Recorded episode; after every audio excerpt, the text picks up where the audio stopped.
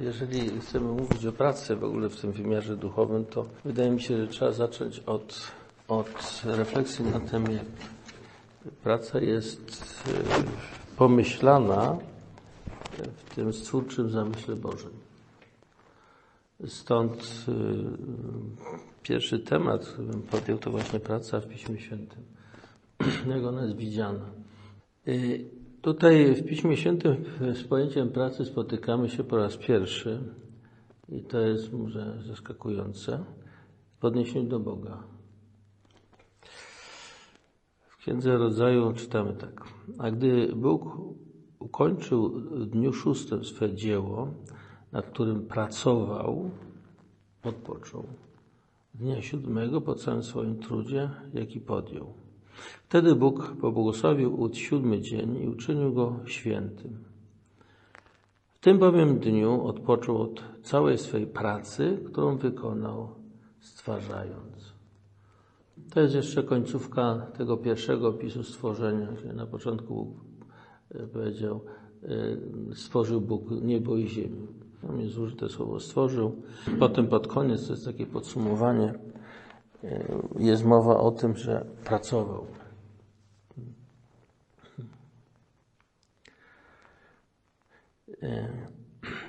Natomiast y, tam jest potem drugi, w drugim rozdziale, od chyba siódmego wiersza, rozpoczyna się drugi opis stworzenia. Są dwa opisy, przy czym ten drugi opis stworzenia jest starszy od pierwszego. Y, pierwszy został stworzony później, gdzieś w VI wieku prawdopodobnie. Natomiast ten, ten, ten drugi opis to jest czas jeszcze wcześniejszy. I tam jest, w tym drugim opisie jest mowa o raju. Tak. Praca w nim pojawia się w kontekście człowieka, którego Bóg umieścił w ogrodzie Eden, czyli w raju, aby uprawiał go i doglądał. Bóg stwarzając człowieka, umieszcza w ogrodzie rajskim, po to, żeby uprawiał go i doglądał. Jest to zaraz z, z tym, z, po stworzeniu człowieka. Czyli można powiedzieć, że praca należy w pewnym sensie do natury człowieka, do celu jego, związany z jego życiem w odniesieniu do Boga użyte jest trochę inne słowo niż w stosunku do człowieka. Melacha, praca, zajęcie, rzemiosło. To jest ten wysiłek Boga w odniesieniu do stworzenia. Natomiast jeżeli chodzi o człowieka, praca polega na uprawianiu awad i doglądaniu samar. Inne słowa określają. Y, tutaj y, widać wyraźnie, że jest pewna różnica.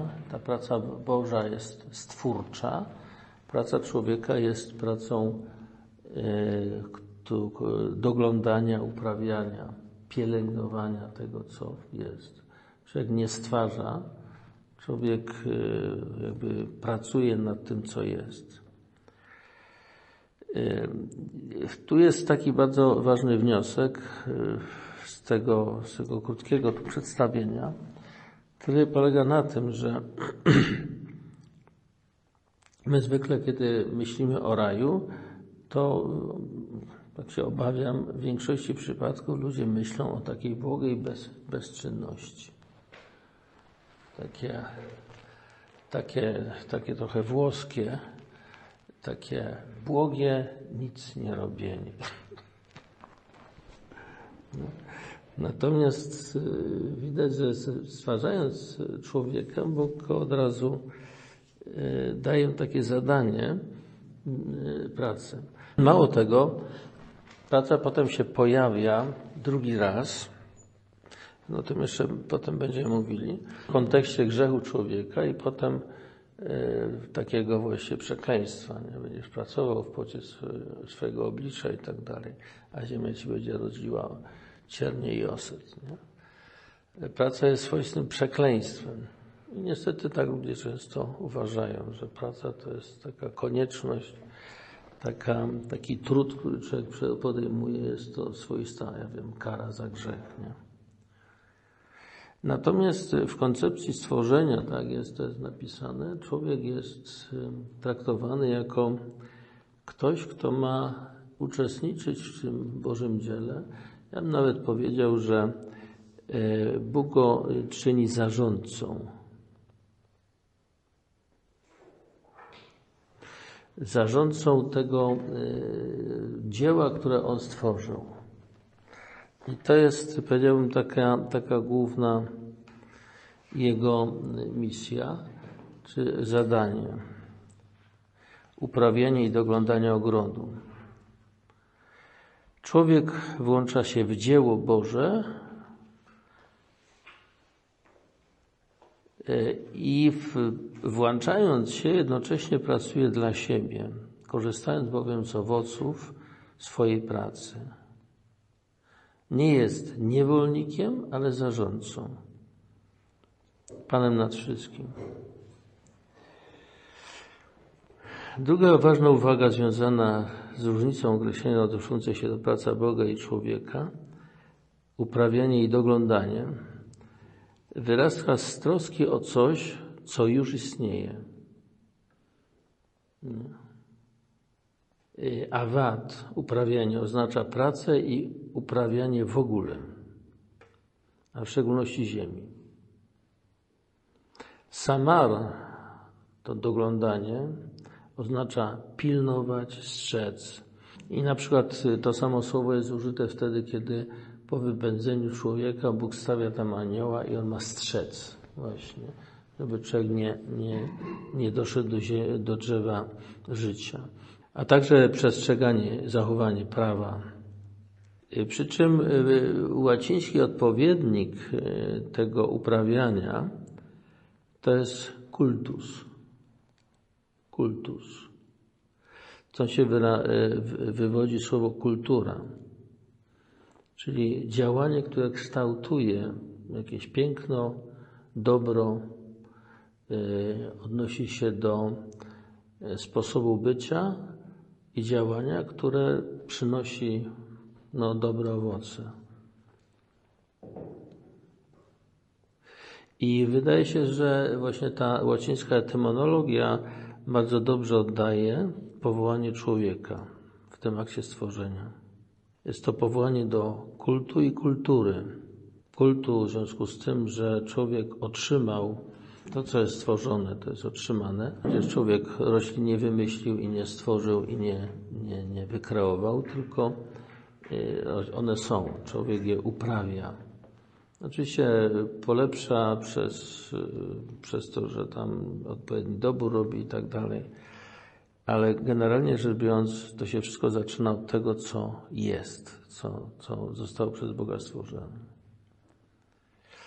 To uprawienie i doglądanie są dwoma wymiarami pracy w Bożym zamyśle. Człowiek zastaje ziemię i wszystko, co na niej sam swoją pracą się włącza do tego i e, w tym uczestniczy. Natomiast e, e, jest ciekawa taka uwaga w tym drugim opisie stworzenia na samym początku, w którym to miejsce człowieka jest szczególne. Proszę posłuchać. Gdy Pan Bóg uczynił ziemię i niebo, nie było jeszcze żadnego krzewu polnego na ziemi, ani żadna trawa polna jeszcze nie wzeszła. Bo Pan Bóg nie zsyłał deszczu na ziemię i nie było człowieka, który by uprawiał ziemię i rów kopał w ziemi, aby ten, w ten sposób nawadniać całą powierzchnię gleby. Wygląda to tak, jakby ziemia była goła, stworzona. I dopóki nie było deszczu, które pozwalało, żeby ta ziemia coś rodziła, było jak pustynia. Nie było ani deszczu, ani nie było człowieka, który by tą ziemię nawadniał.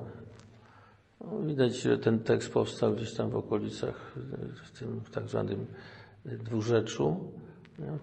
Bo tam właśnie była taka praktyka budowania kanałów, nawadnianie jakichś gruntów, żeby tam e, coś rosło. Nie? Niemniej ważna jest tutaj, niezależnie od tego, jak to powstało, ta koncepcja jest taka, że człowiek pomaga ziemi przynosić właściwe plony. Nie? Pomaga jej owocować, a sam korzysta potem z tego. I to jest taka współpraca. Potem Pan Jezus nawiązuje szereg razy, między innymi w przypowieściach, do pracy, szczególnie do pracy na roli. Jest przypowieść o ogrodniku i drzewie. Ogrodnik powiedzmy przychodzi, drzewo tam podlewa, nawozi i tak dalej, ona nie przynosi owocu i tam jeszcze próbuje coś robić, żeby przynosiło owoc. Sam mówi o sobie, że jest krzewem winnym, a my jesteśmy latoroślami. Że myśmy powinni przynosić owoce, ale o tyle, o ile jesteśmy wszczepieni w niego. Też o pracy w innym rodzaju, między innymi takiej pracy związanej z działalnością, z aktywnością, z biznesem. Jest mowa w tej przypowieści o talentach czy o minach. Pamiętamy, że każdy dostał tam pięć talentów, dwa talenty, jeden talent. I potem ich ten, ten pan rozlicza z tego, co oni zrobili, jak on wyjechał, wrócił i chwali tego, który zrobił obrót i z tego miał zysk. Natomiast ten, który zakopał, to został potępiony przez tego pana. Czyli Bóg domaga się od człowieka pewnej aktywności, która przynosi dobre owoce. Przy czym y, oczywiście jest pytanie, o co naprawdę chodzi, co to za owoc i tak dalej. Y, oczywiście jest owoc w postaci y, tam plonów, zbiorów i tak dalej. Natomiast oczywiście to, o co naprawdę wchodzi w tym owocu, nie sprowadza się do tych produktów materialnych. Nie o taki owoc człowiekowi, Bogu chodzi. Gdyby tak troszeczkę powiedziałbym głębiej sięgnąć do, do i zanalizować ten tekst o stworzeniu człowieka, to trzeba by powiedzieć, że przede wszystkim człowiek jest takim kapłanem wobec stworzenia. Dlatego, że kapłan to jest ten, który jest pośrednikiem pomiędzy E, no normalnie to jest człowiekiem i Bogiem.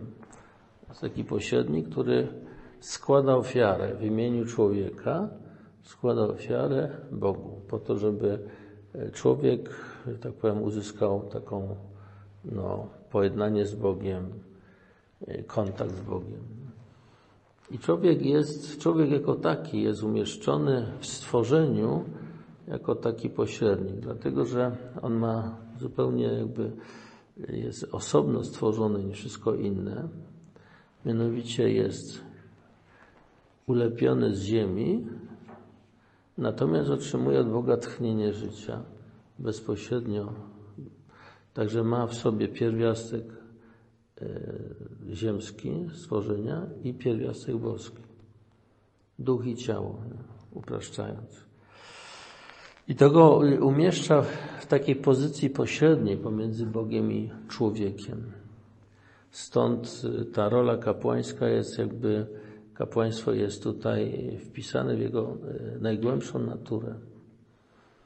Dlatego też potem, wiecie, jest na przykład taki piękny tekst z listu do Rzymian świętego Pawła, w którym on w ósmym rozdziale mówi tak.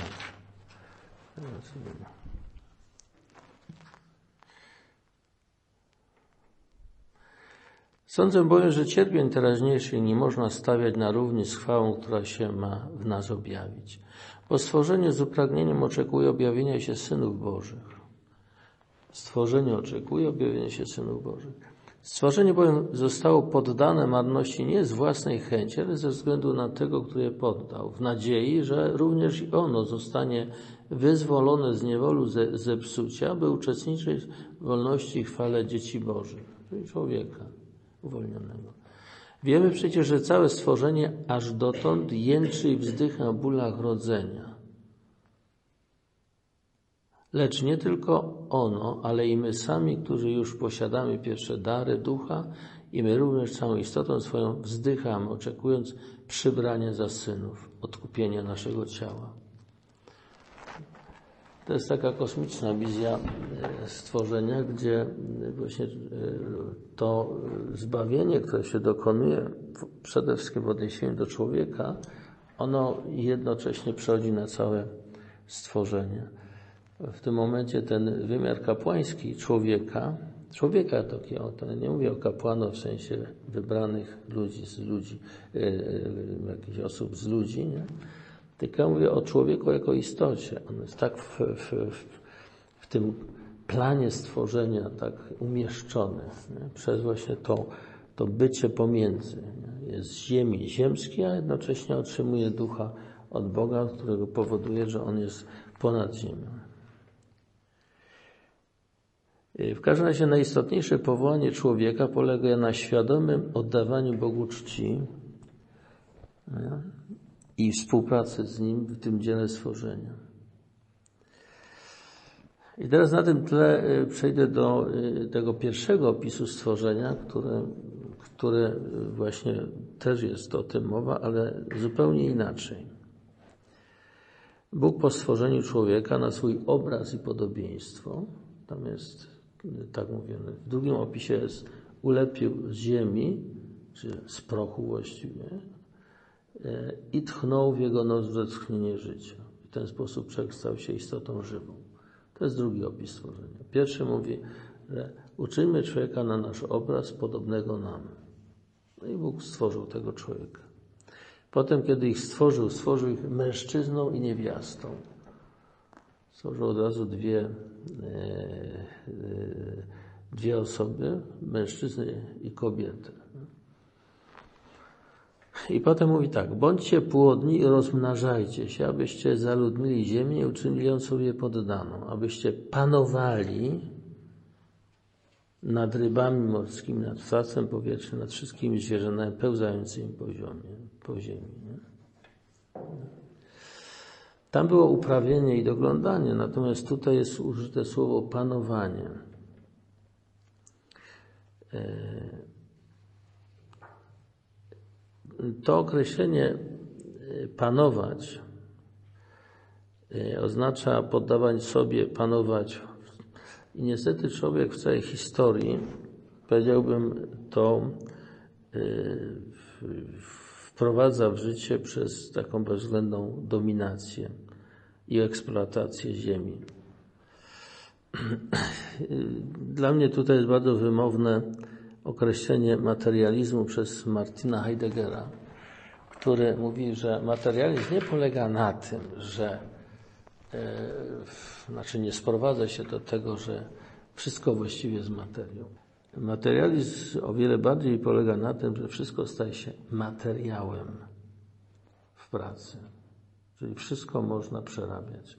Mówiąc inaczej, nie ma żadnej świętości. Nie ma czegoś takiego, co człowiek nie może przerobić według swojego upodobania. I to są dzisiejsze czasy, dochodzą do, tutaj do ekstremu.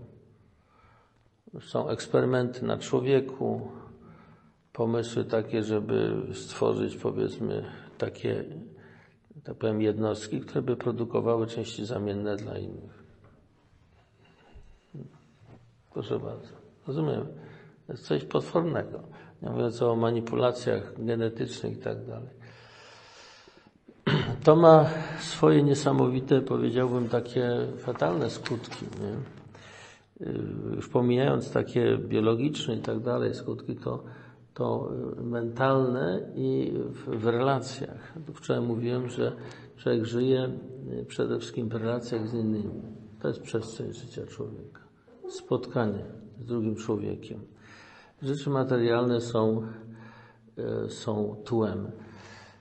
Może to tak, żeby to powiedzieć, jak czytamy Biblię w ogóle i, i myślimy w tych kategoriach religii chrześcijańskiej, czyli tej, która się wywodzi z Biblii, to trzeba pamiętać, że my jesteśmy jakby na scenie rozgrywającego się dramatu. I tak jak na scenie najistotniejszy jest dramat, a wszystko, co jest poza tym, wszystkie materialne sprzęty i tak dalej, tło, to jest scenografia. I tak, tak jest. My jesteśmy na świecie. To, co jest najistotniejsze, to jest dramat, jaki się dzieje między nami. Natomiast cała przyroda i świat jest taką scenografią, jedną wielką scenografią. Tak to, tak to trzeba zasadniczo widzieć. możesz zobaczyć, że to panowanie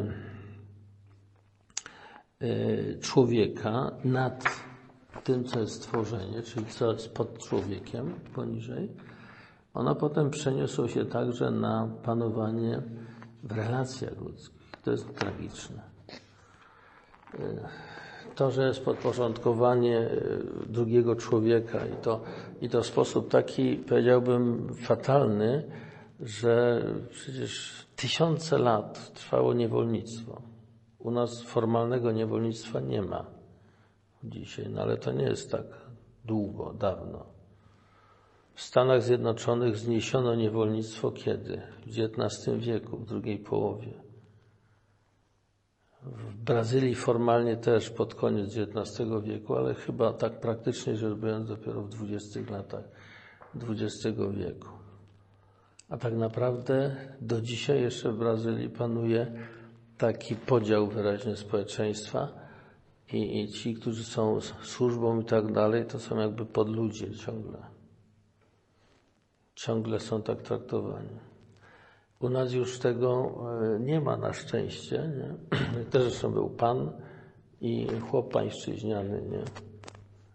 Układy feudalne, które de facto były też układami niewolniczymi. Nie? Więc to jest coś, coś koszmarnego, bo właśnie to jest taka sprawa, że ta, to panowanie zostało przeniesione na relacje międzyludzkie.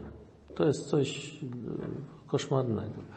I to zresztą w Biblii też, no, Żydzi doświadczyli tego. W Egipcie na przykład ta niewola egipska, nie? Egipcjanie bezwzględnie zmuszali synów Izraela do ciężkiej pracy i uprzykrzali im życie uciążliwą pracą przy glinie i cegle oraz różnymi pracami na polu. Do tych wszystkich prac przymuszano ich bezwzględnie. No, w, w Egipcie cały czas było niewolnictwo, nie?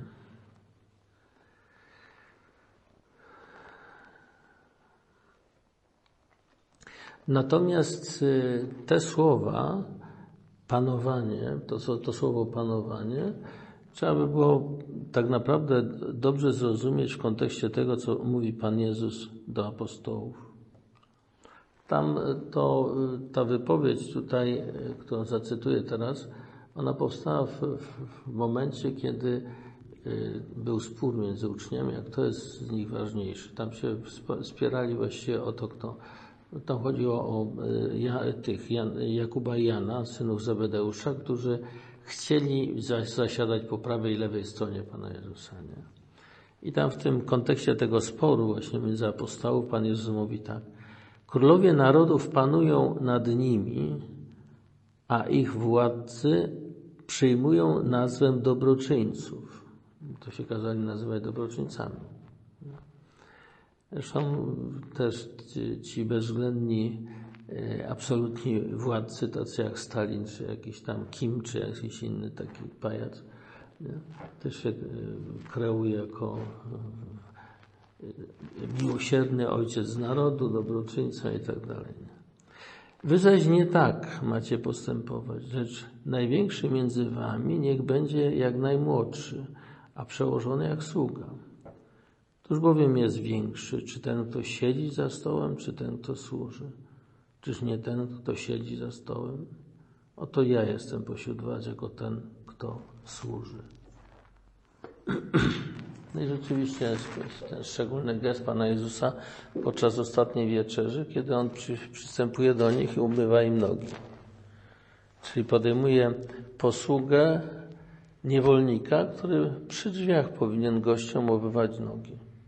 I to jest zadanie dla niewolnika czy dla służby, sługi nie? w domu. Pan Jezus ten gest podejmuje. I teraz, jeśli, jak się tak rozumie, to panowanie, które jest no, nie rządzeniem bezwzględnym według swoich widzimisię i, i ustawiania wszystkiego dla swojej wygody, tylko służbą, no to oczywiście to wtedy uprawianie i doglądanie z tym harmonizuje. Nie?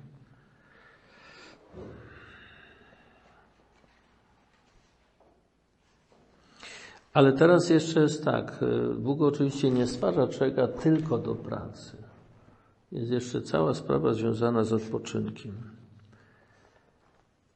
I to na koniec tego pierwszego opisu stworzenia jest takie e, zdanie.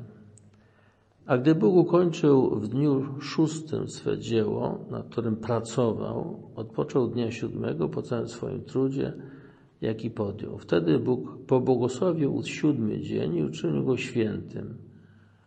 W tym bowiem dniu odpoczął po całej swej pracy, którą wykonał stwarzając. Szabat oznacza po hebrajsku zaprzestać czegoś, a, na ten, a następnie świętować, odpoczywać. Stąd nazwa szabatu, a u nas soboty. Sobota to jest szabat. Dzisiaj mamy szabat, proszę bardzo. Żydzi dzisiaj świętują, nic nie robią. Siódmy dzień tygodnia, który jest dniem odpoczynku. Potem jest z tego takie przykazanie, nie? Przez sześć dni praca e, będzie wykonywana, ale siódmego dnia jest uroczysty szabat. Jest wołanie świętym. Nie będziecie wykonywać w tym dniu żadnej pracy. To jest szabat dla Pana we wszystkich waszych siedzibach. Otóż człowiek przez swoją pracę z tego pierwszego opisu stworzenia wchodzi w tą pracę Boga. Ten Bóg, ten trud stwórczy, ale także wchodzi w jego odpoczynek.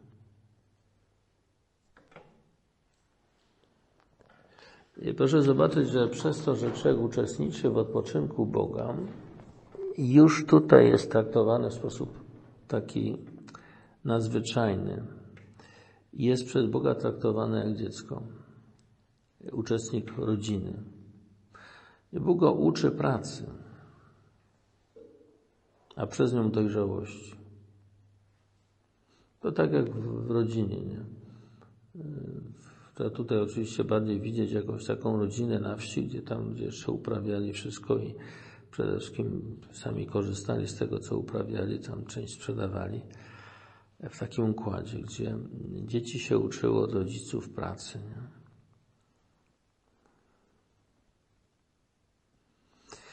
Y, szabat pokazuje jeszcze coś innego, mianowicie to, że po swoim wysiłku i pracy trzeba ostatecznie wszystko zostawić Bogu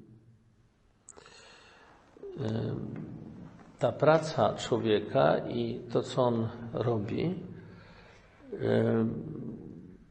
nie, da się, nie nada się na nic, jeżeli nie będzie miała Bożego błogosławieństwa. To y, w tym czasie, kiedy właśnie te teksty powstały, było oczywiste. Błogosławieństwo Boże to jest dosłownie y, oznacza dobre słowo. Bóg mówi dobre słowo. Przez to to dobro, które jest w tym słowie, staje się no, płodne, bym powiedział. Powoduje, że ten cały wysiłek ludzki uzyskuje właściwy efekt, właściwy owoc. Na tym polega błogosławieństwo. Nie? Bóg błogosławi człowiekowi po to, aby jego wysiłek, jego praca dała dobry efekt była pobłogosławiona, czyli przyniosła właściwy efekt. Myślę, że nieraz y, każdy doświadcza w tym, że czasem się natrudzi, natrudzi i z tego kompletnie nic. Wszystko na nic, na marne idzie. To znaczy, są niektóre projekty, niektóre rzeczy, które człowiek podejmuje, a one nie mają błogosławieństwa Bożego i nie przynoszą dobrego owocu. Tutaj jest, cytuję taki psalm 127. Jeżeli Pan domu nie zbuduje, na próżno się trudzi, trudzą ci, którzy go wznoszą. Jeżeli Pan miasta nie ustrzeże, strażnik czuwa daremnie. Daremny jest dla was wstawać przed świtem, wysiadywać do późna. Dla was, którzy jecie chleb zapracowany ciężko. Tyle daje On i weźmie tym, których miłuje. Czyli tym, których miłuje, daje to samo, co człowiek tam zdobywa siłą, a tym daje przy nawet niewielkim ich wysiłku, daje to samo, taki sam owoc. Błogosławi po prostu. Ten pierwotny zamysł Boga związany z pracą, czyli jakieś takie uczestnictwo w tym dziele Bożego stworzenia, doprowadzenie do tego, żeby to stworzenie przynosiło dobry owoc, zostało zdeformowane przez grzech.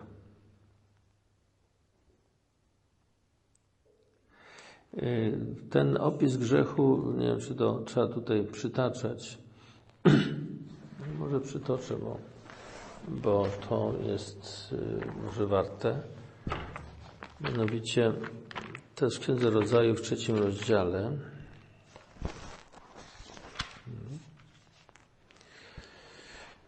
Na samym początku.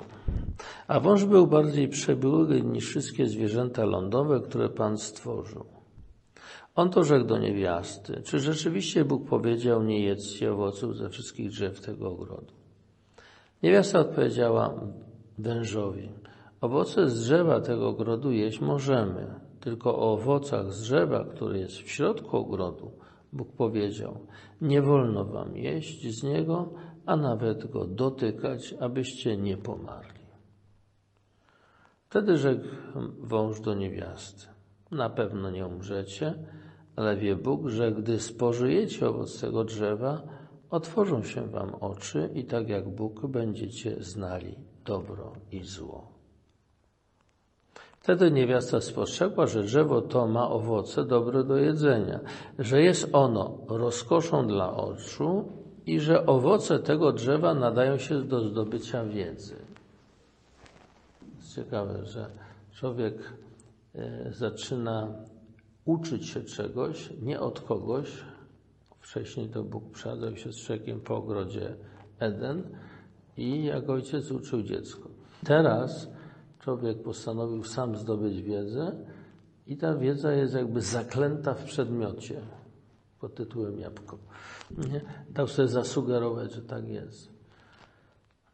Ona zobaczyła, jak zobaczyła, że w jabłku jest wiedza, no nie wiem, ale ta sugestia węża jest ewidentnie kluczem do tego widzenia. Nie? Zerwała zatem z, niego owoc, skosztowała i dała swemu mężowi, który był z nią, a on zjadł. A wtedy otworzyły się im obojgu oczy i poznali, że są nadzy. Spletli więc gałązki figowe i zrobili sobie przepas. No i potem cały tam jest problem. E, no. W każdym razie Teraz y, to, ta ambicja zdobywania y, wiedzy o dobru i złu, czyli właściwie wiedzy o wszystkim, bo to tak trzeba interpretować, rozumieć. Ta wiedza daje y, w, w pojęciu ówczesnych ludzi, daje panowanie. I tak to dzisiaj jest, nie? Właściwie nawet można powiedzieć, że ten, który ma informację, ten ma władzę. Na różny sposób. Były czasami takie robione ustawy, że było dwa czy trzy dni, tam coś nie obowiązywało, a ustawa potem przechodziła. Jak w dwóch czy trzech dniach ktoś tam coś kupił, to potem mógł sprzedać za ogromną kasę. Tu się umieścił dokładnie w tych dwóch dniach, ale musiał wiedzieć. Inni jak nie wiedzieli, no to nie skorzystali z okazji. Już takich ustawek było u nas trochę tego, podobnych różnego rodzaju, ale tego typu. Ktoś wiedział, dało mu to możliwość do zdobycia pieniędzy i nie tylko pieniędzy. I dzisiaj do dzisiaj tak jest, że informacja daje człowiekowi władzę, nie? czyli wiedza daje władzę. Nie? Tylko, że proszę zobaczyć, podstawową rzeczą jest to, że ta wiedza nie jest czymś, co ma służyć tylko jest czymś, co ma pozwolić mi zdobywać władzę, coś dla siebie. Nie? To jest podstawowa rzecz. I to tak jest. Ponieważ, e, i teraz potem jak e, tutaj, e, może tutaj jeszcze ten kawałek przeczytam, bo dalsza część będzie tutaj znowu 17, 17. Gdy zaś mężczyzna i jego żona usłyszeli kroki Pana Boga przechodzącego się po ogrodzie w porze powiewu wiatru, skryli się przed Panem Bogiem wśród drzew ogrodu. Pan Bóg zawołał do mężczyzny i zapytał go, gdzie jesteś? On odpowiedział, usłyszałem Twój głos w ogrodzie, przestraszyłem się, bo jestem nagi i ukryłem się. Pojawia się lęki, wstyd i tak dalej. Nie? I teraz Bóg mówi do Adama potem tak, trochę dalej. Ponieważ posłuchałeś swojej żony i zjadłeś z drzewa, co do którego dałem Ci rozkaz słowie, nie będziesz z niego jeść. Przeklęta niech będzie ziemia swego powodu. W trudzie bowiem e, oblicza, w trudzie e, będziesz zdobywał od niej pożywienie dla siebie po wszystkie dni Twego życia. Cierni oset będzie Cię ona rodziła, a przecież pokarmem Twym są płody roli. W pocie więc oblicza Twego będziesz musiał zdobywać pożywienie. Póki nie wrócisz do ziemi, z której zostałeś wzięty, bo prochem jesteś i w proch się obrócisz. To jest nawiązanie oczywiście do tego aktu stworzenia, bo ulepił człowieka prochem ziemi i tchnął w jego nos życia. Ten, to, ten duch odchodzi z powrotem do Boga, a ciało obraca się w proch. No to jest, powiedziałbym, doświadczenie z obserwacji, co się dzieje po śmierci człowieka, się rozpada i, i właściwie się zamienia właśnie w proch, jakby się miesza z tą ziemią. Prochem jesteś, w proch się obrócisz. Cała wartość i moc człowieka bierze się z tego Bożego tchnienia, bo ten proch, który Bóg wziął, jest nicością bez czym coś się rozsypuje. Cała, y, powiedziałbym, y, wartość, godność człowieka, dynamizm i tak dalej bierze się z tego tchnienia Bożego, które jest utożsamiane z duchem. I to jest zasada uniwersalna, która nie dotyczy tylko y, momentu powstania człowieka i potem ewentualnie śmierci, ale dotyczy całego działania człowieka także pracy. E, sensu i e, żywotnej wartości. To Bóg daje to błogosławieństwo, które pozwala potem korzystać z owoców i daje, to przynosi dobre owoce. W regule świętego Benedykta na początku w prologu Bóg, e, święty Benedykt pisze tak. Jeżeli zamierzasz coś dobrego uczynić, módl się w pierwsze gorąco, aby On, Bóg, to do końca doprowadził. Doprowadził do tego, żeby to pobłogosławił i żeby to przyniosło dobry owoc. Cały czas człowiek jest w istocie swojej tylko współpracownikiem Boga. Jest kimś, kto jakby ma udział w Jego dziele w zamyśle stwórczym. Taki jest. To y, praca w pocie czoła i mizerny efekt w postaci tych ostów nie? i cierni, to jest skutek grzechu. Przy czym proszę zobaczyć, że tutaj nie praca jest przeklęta, tylko ziemia. No, tak Bóg mówi. Przeklęta niech będzie ziemia z Twego powodu. To nie praca, ale ziemia jest przeklęta i dlatego ta ziemia rodzi osad i ciernie.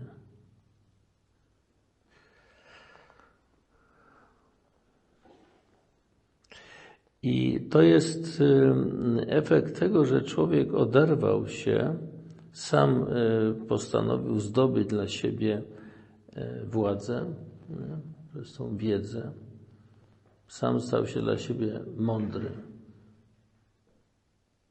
Myślę, że to do dzisiaj tak jest. y, to na różny sposób, że tak powiem, się ujawnia.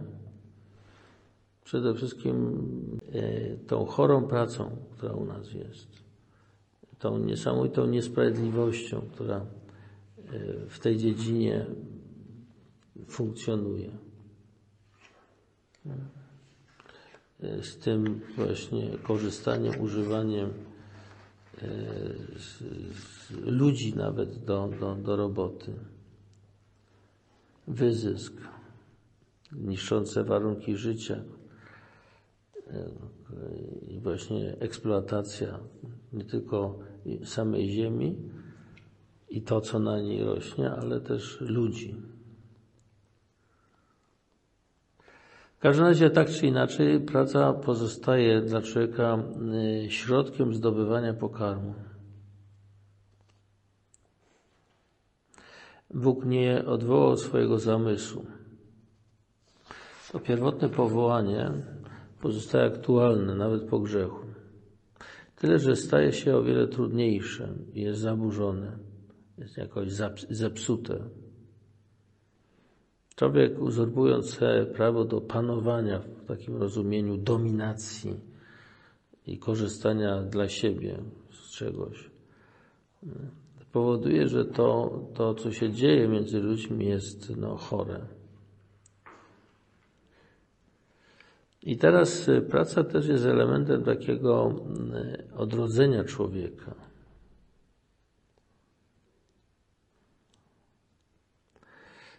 Między innymi też Bóg nadaje im prawo, przykazania.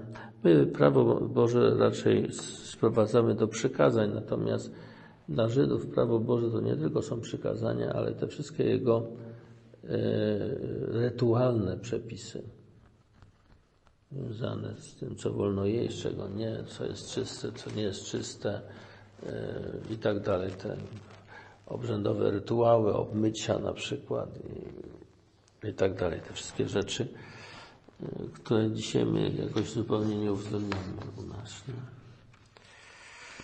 Y, przy czym to prawo, te przykazania Boże były spisane na dwóch tablicach. Na pierwszej były przykazania odnoszące się do Boga, obowiązek człowieka wobec Boga, a drugie to jest obowiązek człowieka wobec drugiego człowieka.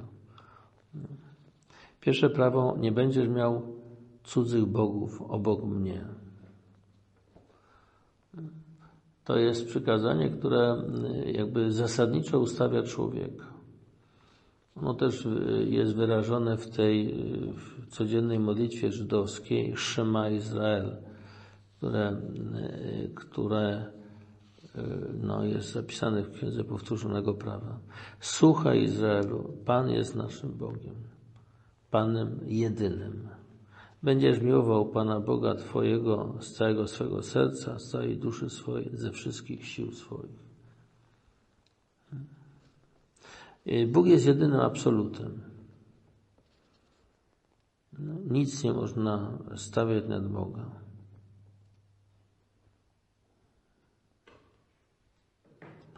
Natomiast człowiek, y, że tak powiem, się zafascynował tym, co może na ziemi zdobyć i, i osiągnąć, i to się staje go bożkiem, czy to posiadanie, czy władza, czy sława.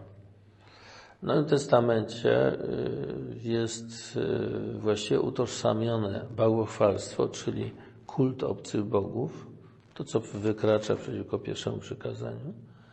Nie? Z e, chciwością, czyli e, rządzą posiadania. Nie będzie służył Bogu i mamonie. Mamona to był Bożek pieniądza. I jako taki jest symbolem świata, tego co jest na świecie.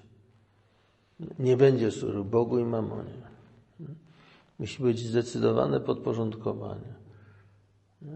I normalnie musi być wszystko podporządkowane Bogu. Pieniądze są do tego, żeby je używać. Są środkiem płatniczym, są czymś, co mi pozwalają jakoś tam wymieniać się z innymi i tak dalej. One mają usprawniać komunikację i, i wymianę.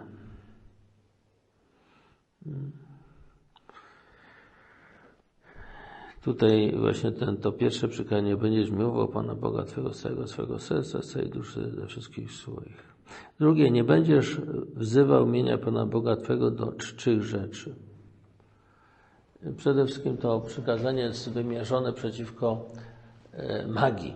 Magia to jest, to są takie obrzędy, takie czynności, których takie, powiedziałbym, pseudoreligijne, czy parareligijne, w których chodzi o to, że przez przywołanie mocy świętej, sakralnej Boga, człowiek próbuje osiągnąć swoje. Taką, przepraszam, ale taką zlaicyzowaną formą trochę magii jest cała technika. Bo technika to jest takie używanie takie używanie tych, to, co człowiek wie na temat sił przyrody, jak to wszystko funkcjonuje, takie podporządkowanie temu, żeby uzyskać efekt dla siebie korzystny. Oczywiście nie, jeżeli to ma tylko funkcję służebną dla człowieka i pozwala mu lepiej, e, lepiej żyć, nie? Sobie, a jest to podporządkowanie Bogu jako zasadnicza, zasadniczy wymiar życia, to nie, nic się nie dzieje. Natomiast w momencie, kiedy to się odrywa od Boga i staje się właśnie czymś, co ma mnie zaspokoić, mi się wydaje, że szczególnie młodzi ludzie w to wpadają. Zachwyceni są techniką, możliwościami, to, że człowiek może to, tamto, jeszcze wam to. Jestem zachwycony i w ogóle zapominam o tym, że jakiś Pan Bóg istnieje, że się życie kiedyś skończy i w to wszystko przestanie mieć jakiekolwiek znaczenie. Zostaje tylko spotkanie z Bogiem. W ogóle o tym nie myślą. I wtedy to ma właśnie taki charakter bałwochwalczy. Nie? E, przy czym proszę zobaczyć też, że my mamy taką skłonność generalnie rzecz biorąc do takiego wszystkiego ustawiania, żeby to wszystko było nam wygodnie. Nie? Nawet modląc się do Pana Boga, mówi Panie Boże, zrób to, to, to, to, po to, żeby mi było dobrze. Mi, moim bliskim i tak dalej. Wszystko jest jakoś nastawione. Nie? Życzymy sobie e, pomyślności i spełnienia wszystkich marzeń. Pięknie. Wszystko jest ustawione jakoś tak. Natomiast e, tą modlitwę, którą nam daje Pan Jezus, Ojcze Nasz, tam jest e, bądź wola Twoja. Nie moja, tylko Twoja. Jezus w ogródcu się modli. Ojcze, jeżeli to możliwe, oddal ode mnie ten kielich. Lecz nie moja, lecz Twoja wola nie się stanie. Chciałbym, żeby to było oddalone. W tym wypadku chodzi o powieszenie na drzewie, bo ono jest Księdza Powtórzonego Prawa pisze, że przeklęty, kto zawisł na drzewie, czyli Bóg go przeklina. Jezus nie chciał być przeklęty przez Ojca. Oddal ode mnie ten kielich. No. Ale nie moje, lecz Twoja wola niech się stanie. Otóż bez otwarcia się na tą wolę Bożą, to nasze działanie, technika i tak dalej staje się de facto właśnie służbą sobie, magią. Natomiast Pan Jezus nam poleca, byśmy byli e, służebni.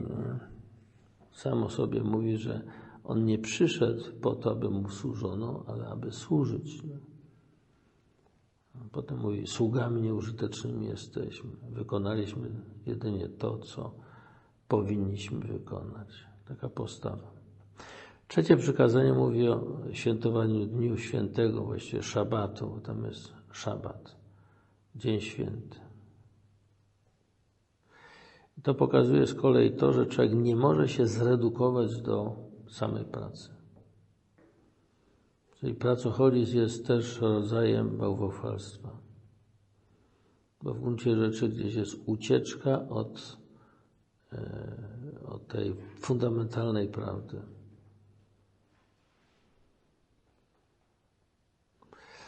Przez odpoczynek człowiek może uzyskać pewną harmonię e, w swoim życiu.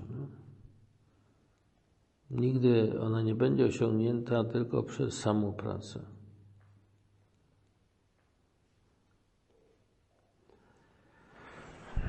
Teraz e, ta druga e, tabela, e, przykazań odnosi się do relacji człowieka z, drugim człowiekiem.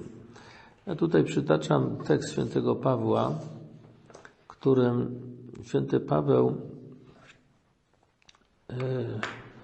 Święty Paweł mówi o zasadach właściwego życia we wspólnocie chrześcijan, uczniów Chrystusa. Mówi tak. Jako więc wybrańcy Boży, święci i umiłowani, obleczcie się w serdeczne współczucie, w dobroć, pokorę, cichość, cierpliwość, znosząc jedni drugich i wybaczając sobie nawzajem, jeśli by ktoś miał coś do zarzucenia drugiemu. Jak Ojciec e, wybrał was, tak i wy. Na to zaś wszystko przeobleczcie miłość, która jest spojwem doskonałości, a w sercach waszych niech panuje pokój Chrystusowy, do którego zostaliście wezwani w jednym ciele. I bądźcie wdzięczni.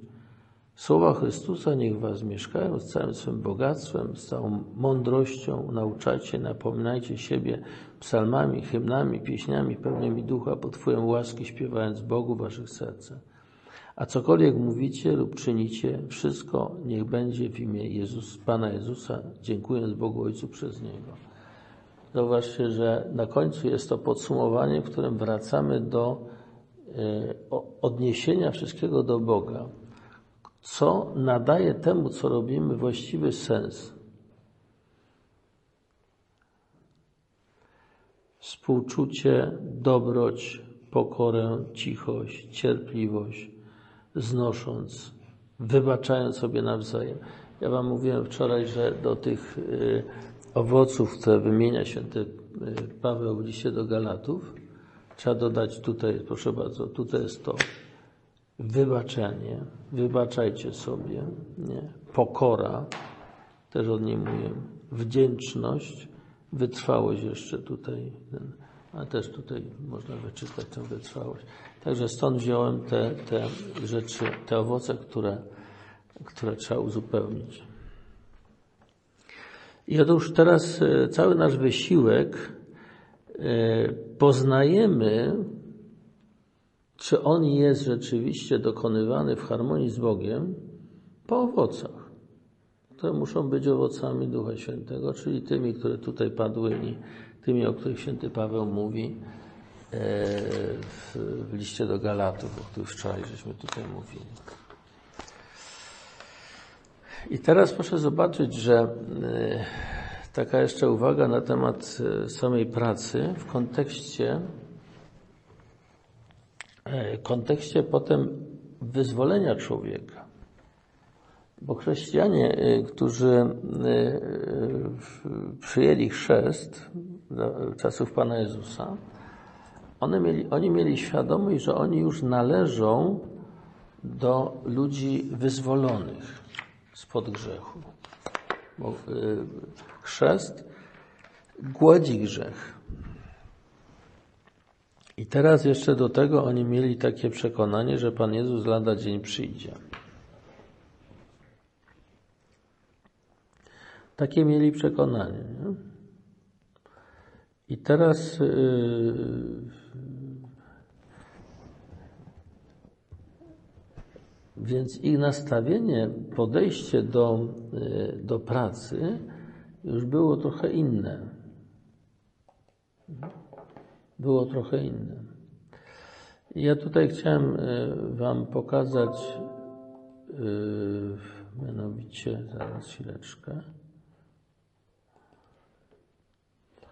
pewne cytaty, które pokazują, jakie jest podejście do pracy już tych E, e, chrześcijan, którzy, e, którzy no, są świadomi, że należą do Chrystusa. Otóż to, że na ziemi, póki żyją na ziemi, chodzą po ziemi, praca jest konieczna, jest oczywiste i święty Paweł to pisze do, do Tesaloniczan. W drugim liście do Tesaloniczan pisze tak. To nie chce pracować, niech też nie je. Jedzenie jest czymś, co człowiek musi robić, żeby żyć. No, ale żeby jeść, to trzeba na to zapracować. Słyszymy bowiem, że niektórzy wśród Was postępują wbrew porządkowi, wcale nie pracują, lecz zajmują się rzeczami niepotrzebnymi. Tym przeto nakazujemy i napominamy ich w Panu Jezusie Chrystusie, aby pracując ze spokojem własny chleb jedli. Chodzi o to, że, że y, na ziemi musimy jeść, żeby żyć, w związku z tym musimy pracować na to, żeby ten chleb mieć. Jest to konieczność, póki żyjemy tu na tym świecie. Okej. Okay. Ale praca tutaj, tym ujęciu Nowego Testamentu, ona się nie sprowadza do zdobywania pożywienia i w ogóle utrzymania na świecie. Nie? nie? Pan Jezus mówi o pracy w kontekście głoszenia Ewangelii. Mówi. Żniwo wprawdzie wielkie, ale robotników mało. To mówię o tych ludziach, którzy widzi, że potrzebują poznać Ewangelię, nie wiedzą, nie mają świadomości, a nie ma kto im to ogłosić. Nie? Proście Pana żniwa, żeby wyprawił robotników na swoje żniwo.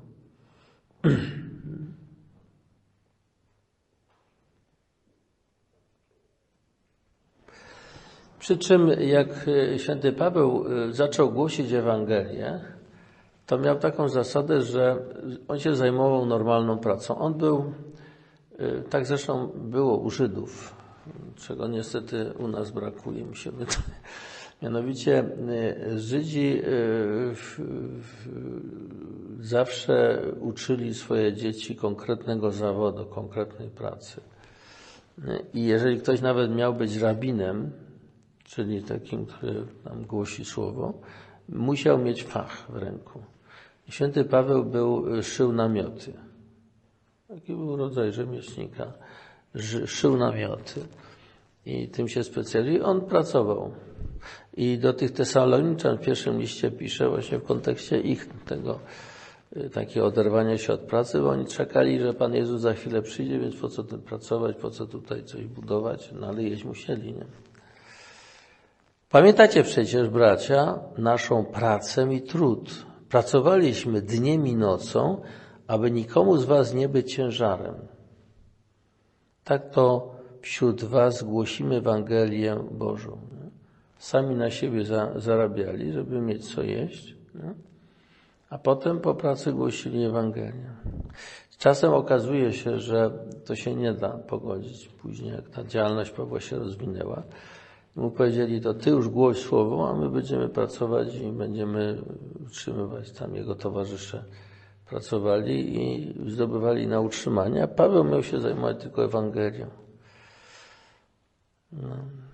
I teraz święty Paweł mówi o tym swoim trudzie. Lecz za łaską Boga jestem tym, czym jestem, a dana mi łaska Jego nie okazała się daremna. Przeciwnie, pracowałem więcej od nich wszystkich, od tych innych apostołów. Nie ja, co prawda, lecz łaska Boża ze mną.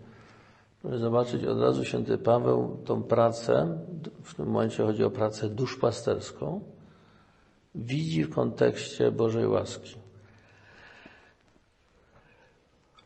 I on ma bardzo mocną taką świadomość, że jeżeli Bóg nie pobłogosławi, to z tego nic nie będzie. Z tego on sam doświadczył tego, szczególnie na Araopagu.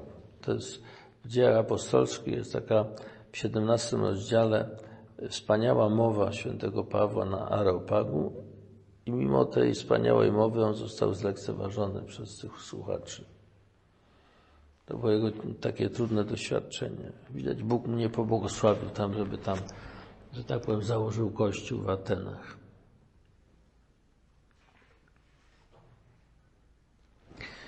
E, potem e, święty Paweł też już do Tymoteusza, to są późniejsze listy, pisze tak. Nie zawiążesz pyska wołowi mucącemu. To jest przepis ze Starego Testamentu.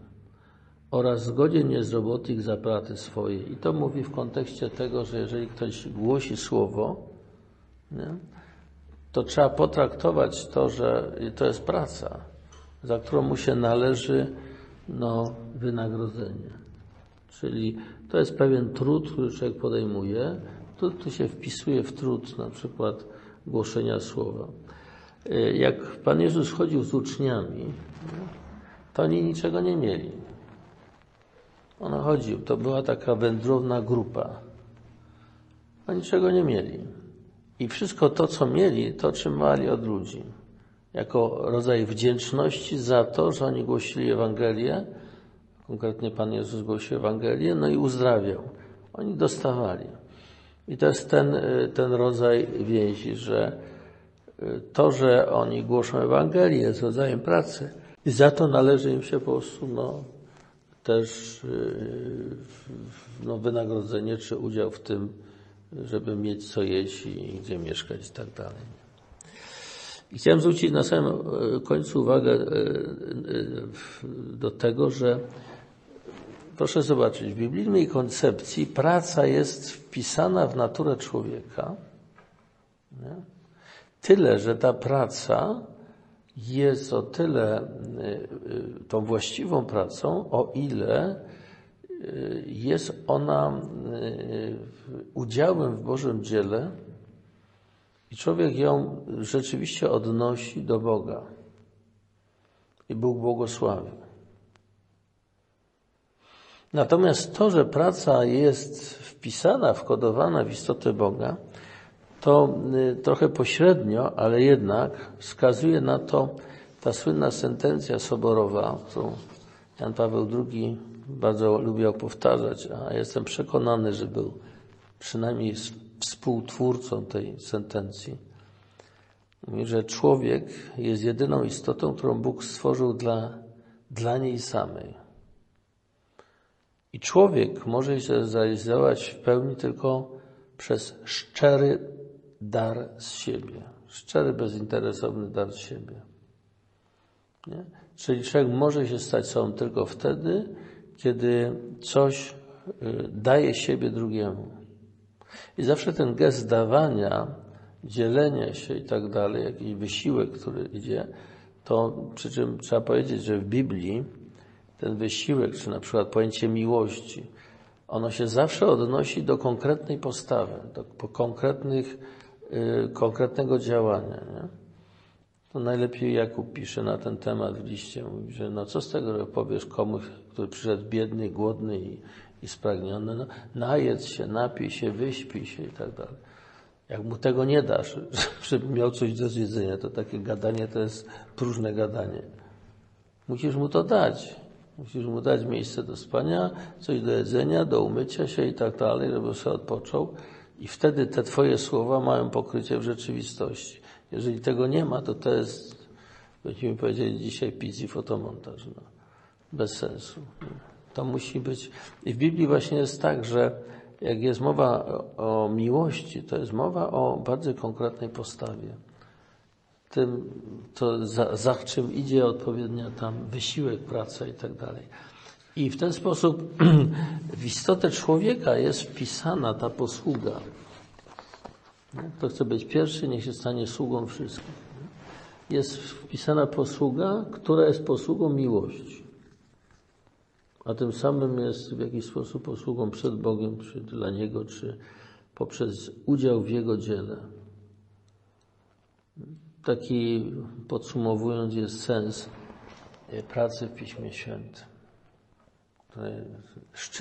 Zaszczytem tej pracy jest to, że człowiek uczestniczy w dziele Bożym. A jakby najgłębszą, powiedziałbym, największą głębię te, sensu tej pracy to jest właśnie kapłaństwo.